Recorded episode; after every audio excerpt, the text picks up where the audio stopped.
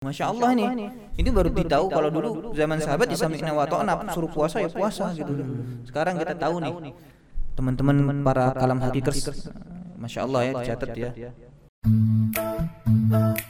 Ya, jadi gitu teman-teman. Oke, menjelang buka nih dok, ada lagi? Nah, menjelang buka, ya seperti yang ustadz-ustadz uh, sebelumnya sampaikan ya, kalau berbuka itu salah satu apa amalan yang paling baik saat menjelang berbuka adalah dan uh, sesuatu itu atau doa itu yaitu ya salah satunya ada berdoa ya. Yeah. Nah, yang tidak ada hijab tempat gitu kan. istajabah, iya. Langsung nyampe Kabulkan. langit gitu kan. Mm-mm. Nah, itu ya kita banyak berdoa kalau kalau di masyarakat kita kan banyak yang ngabuburit malahan. Mm-mm, mm-mm. Jadi udah uh, di rumah di rumah kita menghindari maksiat mata kemudian telinga tapi habis itu ngabuburit.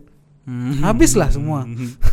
kan tapi malamnya ada man koma ramadhana imanan wa hisaban ghufira lahu. Eh, Abis berbuat dosa diampuni lagi. Besoknya lagi gitu. Astagfirullahaladzim. Jadi kayak Ya, gitu. nauzubillah, nauzubillah. Jadi menjelang uh, puasa sebaiknya kita banyak berzikir kemudian berdoa uh, Ya, sambil jadi- nunggu buka. kayak ini ya dok ya mungkin eh, meditasi gitu kali ya Hmm. kalau dalam bahasanya gitu ya Lagian itu kan kalori kita tinggal cadangannya kalau baterai itu tinggal 5% gitu kan. tiga lima persen Uh, tinggal 5%. Jadi nggak jangan buang-buang energi lah gitu. pas sore ya Nah, pas sore. jangan Kemudian- sampai ngabuburit gitu ya Nah, sampai nanti sampai pas makan tuh banyak banget yang dimakan gitu. Nah perlu kita kita ketahui dari teman-teman uh, kalam hakiki ya. Jadi kalau hakikers uh, ya kalam hakikers. Jadi uh, kalau misalkan kita saat berbuka itu jangan langsung yang pertama langsung kita Es. makan besar. Oh makan besar. Atau misalkan minum. Minum misalkan langsung minum yang uh, yang Biasanya apa itu, yang es buah. es gitu ya yang dari es gitu. Langsung Harus akhirnya anget-anget. nanti saat itu saat kita minum es itu perut kita tuh nggak siap. Kaget ya. akhirnya nyeri. Kenapa kok nyeri? Karena ketika kita minum es itu pembuluh darah di mukosa usus kita di mukosa lambung kita Mhm, di mukosa faring kita itu langsung konstriksi. Jadi mengecil mengkercet Oh, akhirnya nyeri banget. pantes, pantes, kadang nyeri pantes. banget di lambung itu. Pas minum manis gitu kan langsung nyeri banget tiba-tiba kayak gitu.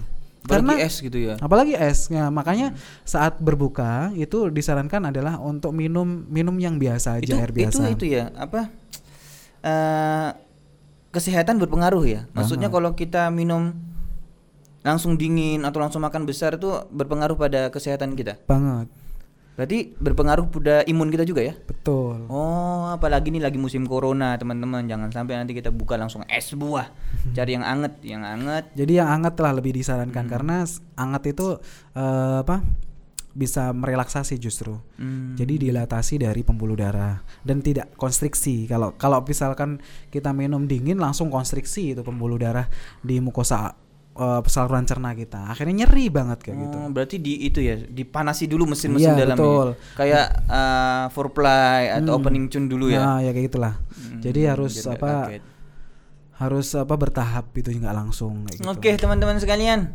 Tuh perlu kita ketahui ya. Jadi nanti kalau Ramadan ini tips dari dokter kita, jangan sampai kita makan langsung makan besar, makan es. Nanti berpengaruh pada imun kita. Berarti kita rawan itu ketika sudah ter apa namanya? kaget tadi akhirnya kita perih dan lain sebagainya akhirnya kita bisa kesakit malah nggak bisa maksimal dalam eh, dalam melaksanakan kewajiban ya dok ya Betul. terus ada lagi dok Jadi saat eh, kita berbuka itu isa- disarankan tadi ya yang pertama Mm-mm. itu pakai minumnya pakai yang anget aja atau yang air biasa. Hmm. Tapi yang manis-manis. kayak ya Kan memang itu, sesuai sunnah kan? sunnah ya. Ah, manis-manis misalnya korma, korma Ya. tiga buah kayak gitu. Ya. Tiga buah itu juga apa yang disarankan ya tiga Tapi buah kemudian minum air Memang hangat gitu ya kayak dok ya. Kita nafsu gitu kan. Pas itu mau beli apa semua disidangkan di depan meja. Tapi sebenarnya kalau kita minum makan kurma itu udah cukup loh. udah cukup kenyang gitu ya. udah kenyang karena setelah itu setelah kita makan tiga kurma sama minum minuman yang manis misalkan es teh apa teh teh anget kayak gitu kemudian eh, sirup misalkan kayak gitu Iya. itu tuh tubuh kita udah udah kembali sebenarnya Oh gitu. udah kembali fit gitu loh yang Berarti- nah setelahnya itu adalah cuma nafsu kita Hmm. kan cuma nafsu tok itulah di- dikatakan dunia fana itu itu ya. Kita berkeinginan besar setelah dapat ya udah begitu doang. Kemudian Allah kan juga menciptakan apa eh, lisan kita, apa mulut kita untuk ada rasa manis, asam, pahit kayak gitu kan cuman sampai pangkal lidah aja. Iya, sampai perut Jadi ya. makan enak tuh kan cuman sampai pangkal lidah. Mm-mm. Setelah itu udah nggak kerasa lagi. Mm-mm, perut sudah nggak ngerasa udah nggak ya. ngerasain itu makanan enak atau enggak. dicampur diublek-ublek di Ah, dalam makanya apaan itu artinya ublek-ublek the meaning in Google terus dok eh, setelah itu kan kita ada makan besar itu ada waktunya nggak yang bagus misalnya setelah taraweh atau setelah apa gitu ya sebaiknya setelah uh, sholat maghrib juga boleh. Kemudian maghrib ya. uh, kan kita bagi ya perut kita tuh dibagi uh, Sepertiga, sepertiga sepertiga sepertiga gitu loh. Jadi nggak langsung apa apa pas Allahu Akbar Allahu Akbar langsung makan banyak banget gitu kan saat itu juga gitu kan. Habis itu nggak bisa teraweh gitu kan.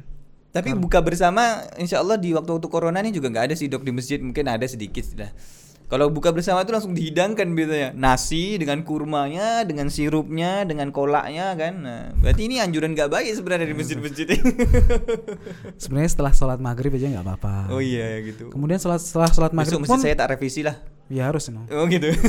biar ada manfaatnya nih Iya podcastnya gitu, hari ini. betul. Berarti besok tinggal kasih kurma ya. Habis maghrib cari sendiri. Ah, jadi menghemat Nyaman. pengeluaran juga tuh. Iya terus dok.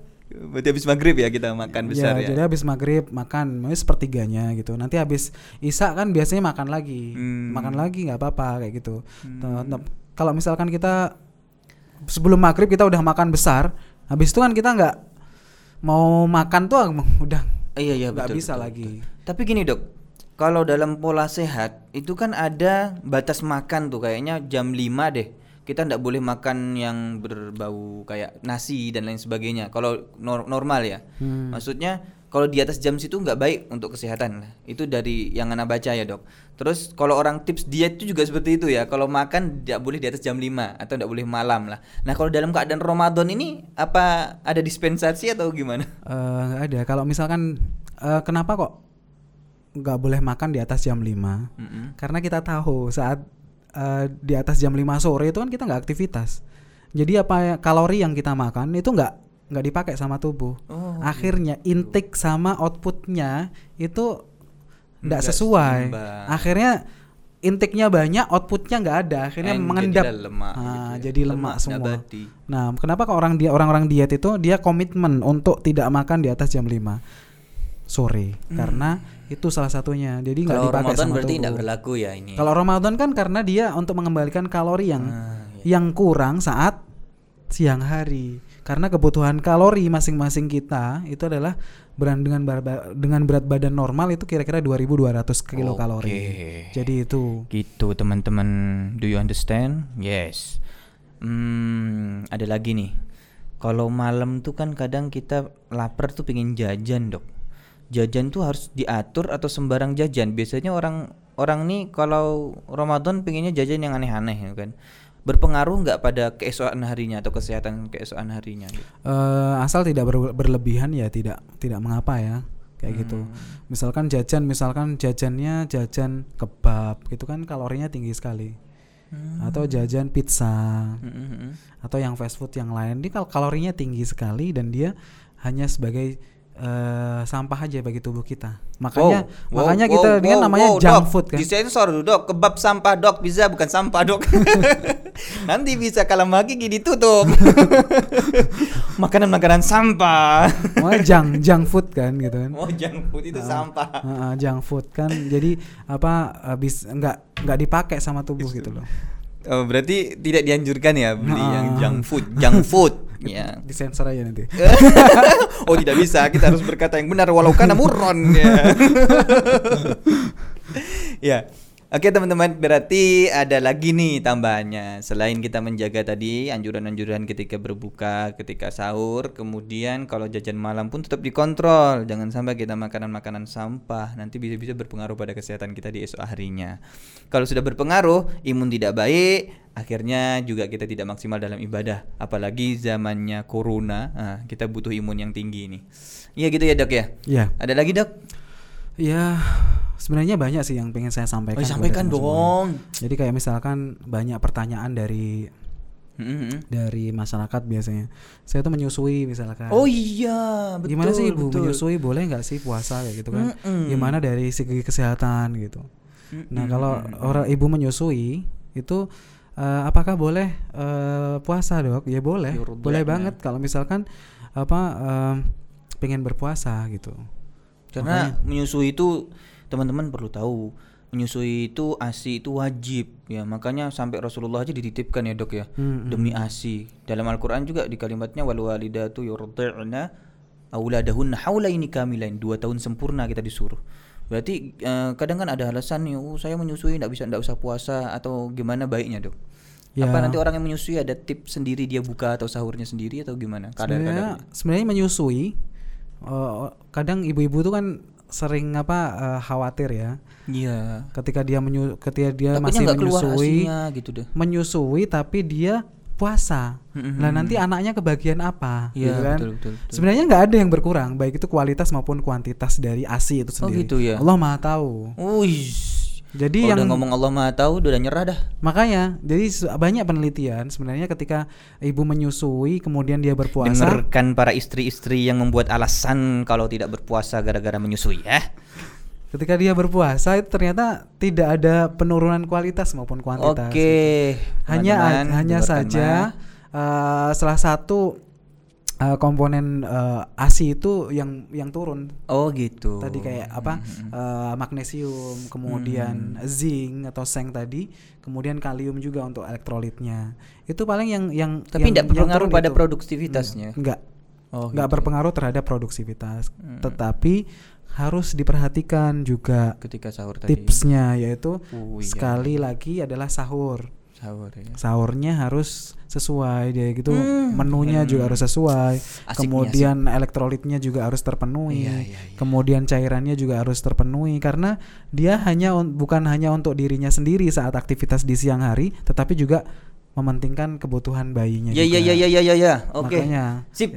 jadi nggak nggak ada nggak ada apa nggak ada penurunan kualitas maupun kuantitas dari asi ketika ibu itu ibu menyusui mau mau menyusui anaknya saat dia berpuasa tetapi ini ini fungsinya. dari agama pun kan nggak apa juga memberikan rukhsah pada Iya, ibu betul, menyusui iya. jadi itu kan juga pilihan juga Ya. terserah terserah dari ibu-ibu sekalian eh, kalam hakikers ya Eh. kalau misalkan jenengan menyusui mau mau puasa boleh mau enggak juga itu kan tergantung ya rukhsah ya Iya, iya, tapi ya, ya kalau bisa ya kenapa enggak gitu loh, Dok. ya betul Kan sudah ada penelitian dari kedokteran, kemudian namanya kita mau mendapatkan pahala itu butuh passion yang besar. Inna a'dhamil jaza ma'adhamil bala. Oke dok, ada lagi nggak selain menyusui? Ada lagi alasan yang lain, misalnya nih orang yang kerjanya buruh yang agak berat gitu kan, alasannya terus dia nggak puasa kok. Saya gimana mau puasa? Wong saya kerjanya begini susah. Nah gini gimana dok dalam kesehatan? sebenarnya itu juga bukan alasan gitu loh bukan alasan Iya sih betul. sebenarnya itu kan kalau udah profesi itu Iya. eh, itu udah udah terbiasa tubuh kita juga sudah eh, apa toleran toleransi dengan Iya sih. dengan aktivitas itu jadi tidak ada alasan Udah ketika ya? seseorang polanya sudah terbentuk Hmm, dalam udah tubuh. polanya udah tubuh juga akan menyesuaikan Tapi gitu. ada kan dok, dok yang alasan seperti itu misalnya saya ini buruh ini gimana mau cari mau puasa ndak kuat saya gitu ada loh dok. ya ada ya banyak sih nggak ada ya Oh iya banyak. oh orang yang sehat nggak buruh juga dia nggak Ah, puasa kayak gitu kan. kan. jadi itu jadi apa eh kalau apa dia pekerjaannya tukang batu Iya, atau heeh. apa kayak gitu kan tukang beca atau apa gitu kan itu sebenarnya tergantung tadi jadi kalau misalkan dia eh, sahur walaupun sahurnya seadanya misalkan kurma tiga tapi dalam sahur itu kan berkah kan Oh, iya betul. nah itu bisa mencukupi kalori saat saat siang hari dan untuk aktivitas Berarti gitu. bukan bukan untuk alasan. ya? bukan untuk alasan gitu. Oke. Jadi sebaiknya selama kita masih bisa berdiri kemudian kita masih bisa berjalan, kenapa tidak untuk Oke. untuk melaksanakan em, Itu ibadah kuncinya. yang mulia ini yaitu ini, puasa Ramadan. Ini tergantung mindset berarti dok ya. Mm-mm. Nah, dia mau nggak ada niat nggak? Kalau nggak ada niat ya nggak bakalan bisa. Walaupun dia cuma di rumah rebahan nggak bakalan puasa kalau dia nggak ada niat ya. Terus dok, eh, eh, ada hal-hal yang seperti ini contohnya ya. Orang itu kan berpikir fisik sama otak itu sebenarnya kerja lebih berat otak. Misalnya gini, ada orang yang profesinya sebagai peneliti, dia harus mengeluarkan eh, otaknya berpikir dan meneliti mengeluarkan ini. Sama orang yang tenaganya ngangkat harus dan sebagainya, itu sebenarnya lebih lebih berat atau keluar tenaga ekstra yang mana? Apa ada apakah ada pembagian sendiri-sendiri? Misalnya orang yang bekerjanya menggunakan pikiran dan otak harus berpikir terkadang lemes. Pernah saya ngerasakan satu hari uh, di karantina untuk menggarap suatu apa program itu kan harus berpikir dan itu terasa lemes. Jadi mending kita itu di luar exercise atau lari-lari atau estafet lemesnya itu lebih lemes kita berpikir itu gimana dari sudut pandang kita kesehatan menghadapi Ramadan kan banyak orang berbeda-beda nih profesinya. Ya. Uh, perlu kita ketahui kalau puasa itu sendiri, puasa loh. Puasa itu bisa um, meningkatkan namanya uh, brain derivat neurotropic factor. Fair factor. nah kalau kita singkat BDNF lah ya, oh, gitu. brain uh, derivat neurotropic factor. Tuh, Jadi, kalau kita puasa ya dok ya. Ya salah satunya adalah itu dikeluarkan sama otak. Jadi hmm. dia tubuh apa uh, fungsinya adalah untuk uh, apa meningkatkan kerja otak. Hmm, meningkatkan okay, kerja okay, otak, kemudian dia juga uh, membantu uh, pertumbuhan dari sel-sel otak yang baru, sel saraf baru. Jadi ketika seseorang berpuasa itu justru meningkatkan uh, apa fungsi dari otak itu sendiri. Oke, okay, berarti orang puasa itu meningkatkan fungsi otak. Oke, okay, ya. berarti kalau orang penghafal Quran di Ramadan pantesan murajaah lebih gampang dibanding di luar Ramadan ya, Dok ya. Itu termasuk saya. Curhat. ya karena itu tadi apa ada penelitian juga. Ada penelitian gitu ya? uh, dan itu bukan uh, seorang muslim yang meneliti. Hmm. Dia hanya meneliti mahasiswanya di di Eropa ya. Berarti Jadi, gini, Dok. Tadi kan kita balik ke pertanyaan ini, dok. Uh, belum tentu orang yang kerja keras, ya, maksudnya dia buruh gitu ngangkat yang berat-berat, hmm. terus gara-gara itu dia alasan tidak berpuasa, kan? Orang yang berpikir di rumah harus berpikir dengan matang dan mengeluarkan otak itu juga lemes, sama-sama lemes itu semua, hmm. dok ya. Semuanya berarti, tidak ada alasan. Semuanya. Iya, semuanya tidak ada alasan berarti. Tidak ada ya? alasan, ya? karena itu memang kalau misalkan itu yang profesi kita, kemudian pekerjaan kita, yeah. pasti tubuh kita juga akan menyesuaikan. Apalagi yeah. puasa puasa itu juga bisa meningkatkan tadi imunitas tubuh, ya, puasa. meningkatkan fungsi otak kita, berarti kemudian fungsi metabolisme juga. Kalau kita memandang dari segi kesehatan, puasa itu bukan hanya maghfirah, rahmat yang dilipat gandakan uh, amal, tapi ternyata di dalam puasa ada meningkatkan brain otak, ya kan? Yeah. Terus me memperbaiki metabolisme tubuh, masya Allah nih. Ini baru ditahu kalau dulu zaman sahabat ya sami'na wa suruh puasa ya puasa gitu hmm. Sekarang kita tahu nih teman-teman para kalam hakikers masya Allah ya dicatat ya. Biar tambah termotivasi untuk puasa ini dok. Hmm. untuk bulan puasa ini walaupun berbeda keadaannya semoga tambah semangat. Ada lagi dok? Ya kita ketahui bahwa manfaat dari puasa itu sendiri juga selain uh, meningkatkan fungsi otak kita kemudian fungsi metabolisme kita juga uh, puasa itu juga bisa uh, mencegah seseorang menderita serangan jantung gitu. Allah, bisa gitu. Jadi kalau ya? misalkan orang puasa itu dia mempunyai uh, faktor risiko yang turun drastis. Kalau misalkan orang dibandingkan orang yang tidak berpuasa. Jadi 58% seseorang yang berpuasa itu akan terhindar dari serangan jantung 58%. Jadi Berarti gitu. kemungkinan kemungkinan virus ini tidak akan tertular ketika semua umat muslim di Indonesia ini berpuasa. berpuasa. Makanya kalau misalkan ada orang yang mengatakan uh, MUI suruh ngasih fatwa mm-hmm. uh, apa memberikan keringanan untuk tidak berpuasa pada kaum muslimin di tengah wabah ini sangat oh nggak masuk akal nggak masuk akal sekali masuk akal, ya. karena itu bertentangan dengan hmm, uh, ilmu kedokteran dan ilmu kedokteran kita kemudian agama, ya. agama kita juga oke, oke, jadi itu Allah, kemudian sekali. juga apa uh, puasa itu juga mencegah seseorang um, mengalami resistensi insulin atau diabetes hmm, kayak gitu. gitu ya dok ya. Kan karena kelebihan kalori. Rata-rata hmm. orang yang diabetes adalah disebabkan karena kelebihan kalori di samping itu adalah salah satu genetik juga penyebabnya. Berarti terapi orang sakit jantung tuh puasa bisa ya? Dok? Oh, puasa.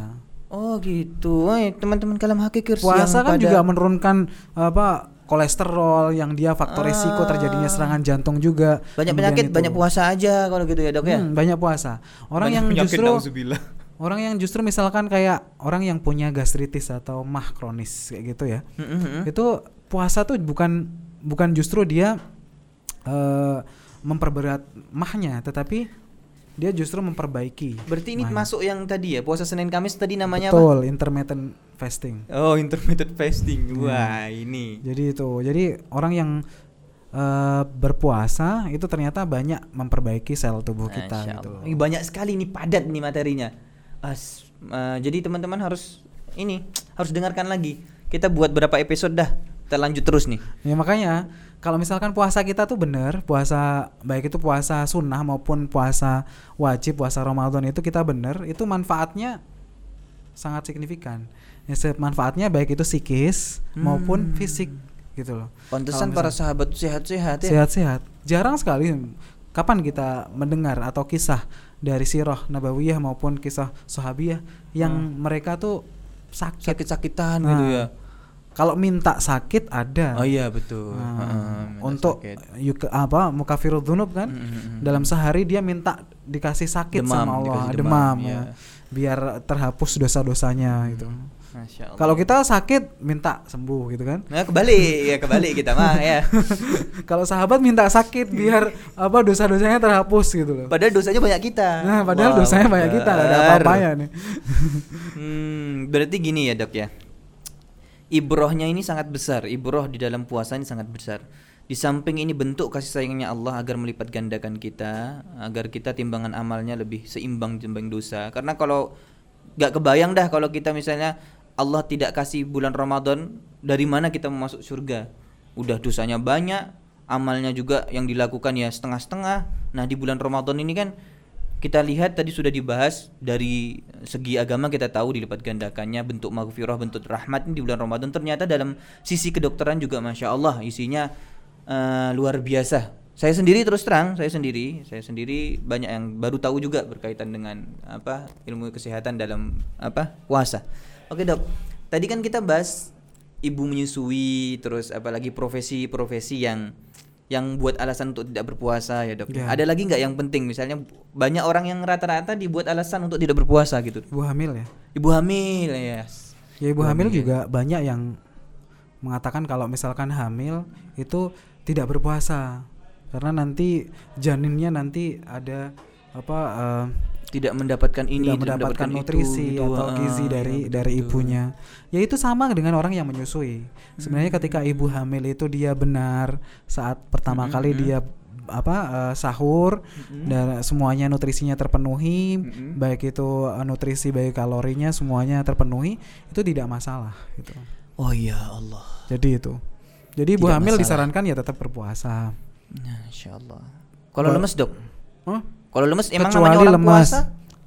Jadi kalau kapan toh kita harus membatalkan puasa? Oh, bagi kondisi-kondisi tertentu misalkan eh, menyusui atau ibu hamil kayak gitu kan termasuk kondisi tertentu ya. kondisi tertentu itu kondisi khusus ketika dia merasa lemes yang tidak bisa toleransi Tapi lemes itu sugesti juga loh dok. lemes Iya gak sih?